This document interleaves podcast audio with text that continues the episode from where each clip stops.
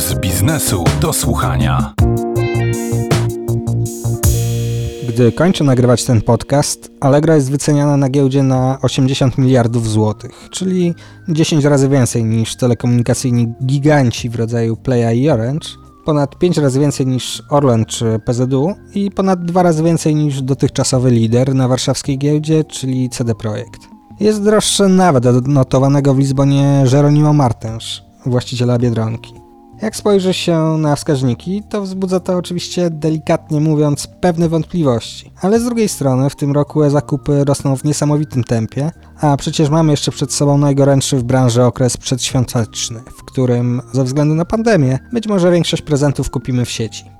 Czy lubimy robić zakupy na Allegro, czy nie? I czy uważamy, że akcje spółki są atrakcyjne, czy też horrendalnie drogie? To w tym momencie dla mnie kwestia drugorzędna. Ważne jest to, że na warszawską giełdę w końcu, po kilku latach posłuchy, weszła naprawdę duża i rozpoznawalna spółka.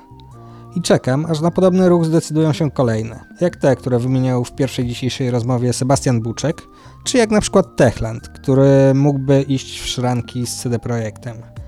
O debiucie w Allegro w tym podcaście to już tyle, ale o inwestycjach technologicznych jeszcze Państwo usłyszą. Za tydzień bowiem właśnie o nich ze swoimi gośćmi będzie rozmawiał Paweł Sołtys. Zapraszam do słuchania na Spotify, SoundCloudzie i innych serwisach podcastowych i na dziś dziękuję za uwagę. Nazywam się Marcel Zatoński, a to był Puls Biznesu do słuchania. Puls biznesu do słuchania.